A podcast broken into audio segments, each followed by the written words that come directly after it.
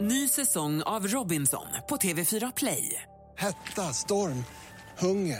Det har hela tiden varit en kamp. Nu är det blod och tårar. liksom. Fan händer just nu. Det. är Detta är inte okej. Robinson 2024, nu fucking kör vi!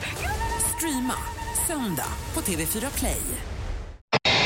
Vi får säga välkommen först till Ola Skinnarmo är det alltså, Ja, tackar, tackar, tackar, tackar. som inte börjar intervjun i förtid här. Nej. Eh, Ola, du kom till Göteborg igår eller? Nej, Ah, En gång göteborgare, alltid göteborgare, så att eh, jag är ju här till och från. jo, men i eh, fredags var du inte här. Nej, fredags var jag ju på, i Stockholm faktiskt. Ja, Ja, just det. Och i torsdags i Malmö, så att det har varit lite eh, Oj, oj, oj. fram och tillbaka. Men vad säger du att du är nu? Är du äventyrare?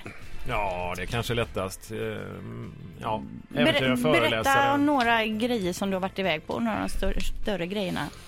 Ja, eh, jag var ju 26 bast när jag skidade till Sydpolen själv eh, som första svensk och yngst i världen. Jag är faktiskt fortfarande yngst som har skidat dit solo. Ja, men alltså, Och sen, eh, ja, Nordpolen tillsammans med Göran Kropp. Tyvärr förfrös han ju tummen halvvägs, men eh, Göran visade ju vilken härlig kompis han var som peppade mig att fortsätta. Och, eh, var det då den blev attackerad av isbjörn också? ja, det var ju en isbjörn tyvärr. Eller det var två. Den ena kunde vi skrämma iväg och den andra var vi ju tyvärr tvungna att skjuta, vilket var eh, väldigt trist. Mm. Ja, det är klart. Inte minst för isbjörnen. Precis. Usch och fy. Eh, Ja. och, och f- mer då? Ja, mer. Sen har jag, jag, jag har väl gjort en hel del. Skidat hit och dit och seglat här och där. Eh, seglat i Antarktis. Det var ju då jag insåg att den här båten jag nu äger som vi ska segla med till Grönland. Eh, grejen är egentligen inte att segla till Grönland i sommar utan det är ju en del av att få komma dit och sen att vara där det är ju att, att, att hitta en båt. Ja, för Ja, ni är just ju det. ute efter ett vrak som ligger på havets Eh, botten. Ja, vi seglar ju Nordostpassagen härifrån Göteborg till eh, Stilla havet för några år sedan och då följde vi ju, eh, Adolf Erik Nordenskiöld i spåren. Hans fantastiskt fina båt Vega. Som sjönk 1903. Ja visst, du har läst Gjorde på. den? Ja, det har jag gjort. Upp i Melvillebukten eh, på Grönlands västkust. Mm. Isen eh, var ju inte så snäll mot båten i fråga. Å andra sidan så försökte man spränga loss eh, fartyget ur isen. Så att eh, pang bom så sjönk hon rakt ner och eh, i och med att det inte finns någon skeppsmast där uppe och ja. Det, Men, men det är vadå, seglade de konserverande fast? vatten. De seglar fast med båten? Ja, Nordenskiöld fastnade ju också i isen när Ja. de seglade Nordostpassagen. Då satt de t- fast i tio månader, men Nordenskiöld han hade ju is i magen i dubbel bemärkelse. så han skrev i loggboken när de insåg att de satt fast att det var ju förargligt att de skulle sitta där i tio månader. Jo, men vadå? Och sen kom loss Det var väl och... kallas världens största understatement. Men sen seglade de ju runt och när väl eh, Nordenskiöld var hemma igen så sålde han båten. Och vid ett annat projekt 1903 Mm. så var de uppe på nordvästra Grönland och kapten då hade inte lika mycket rast och ro så han försökte spränga loss fartyget. Men istället för att spränga lös det så sprängde de då in is i fartyget och det sjönk. Ja. Men på ett sätt och vis eh, bra för våran del då för eh, i bästa fall så eh, finns det ju väl bevarat på havets botten. Ja, och själva uppdraget nu för i den här expeditionen, Ola, det är alltså att ta sig dit och leta efter och, och hitta Vega som ligger på 500 meter djup, Ja, en alltså. marinarkeologisk Ja. expedition. Lite mer än att bara skida hit eller dit eller segla här eller där. Så att det är spännande. Ja, men, men hur exakt eh, position har ni på detta då? För det, 1903 hade man ju inga GPS direkt. Nej, då hade man ju eh, sextant och, och de kan ju fela lite.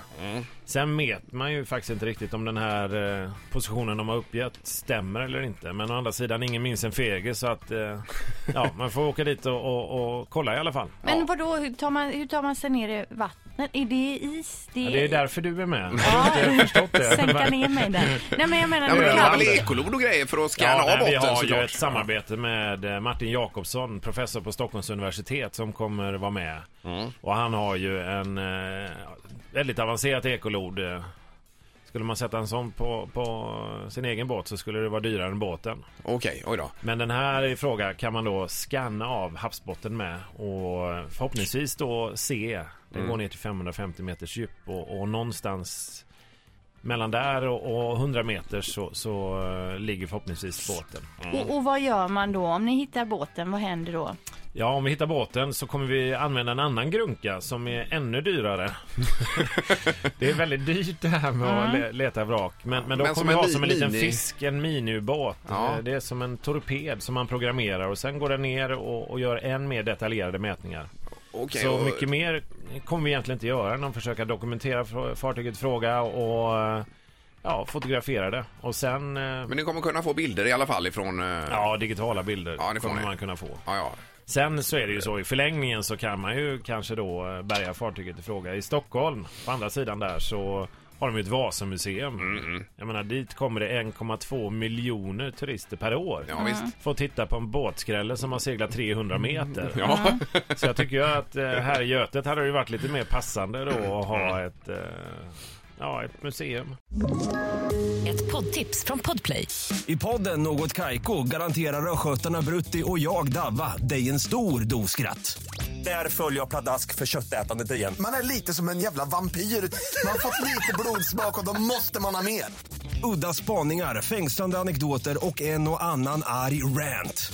Jag måste ha mitt kaffe på morgonen för annars är jag ingen trevlig människa. Då är du ingen trevlig människa, punkt. Något Kaiko, hör du på Podplay. Därför arkadeinerna.